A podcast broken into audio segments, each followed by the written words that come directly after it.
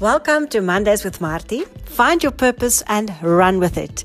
I'm your host, and my name is Martinelle Hauptfleisch. Some people call me the woman on Fire.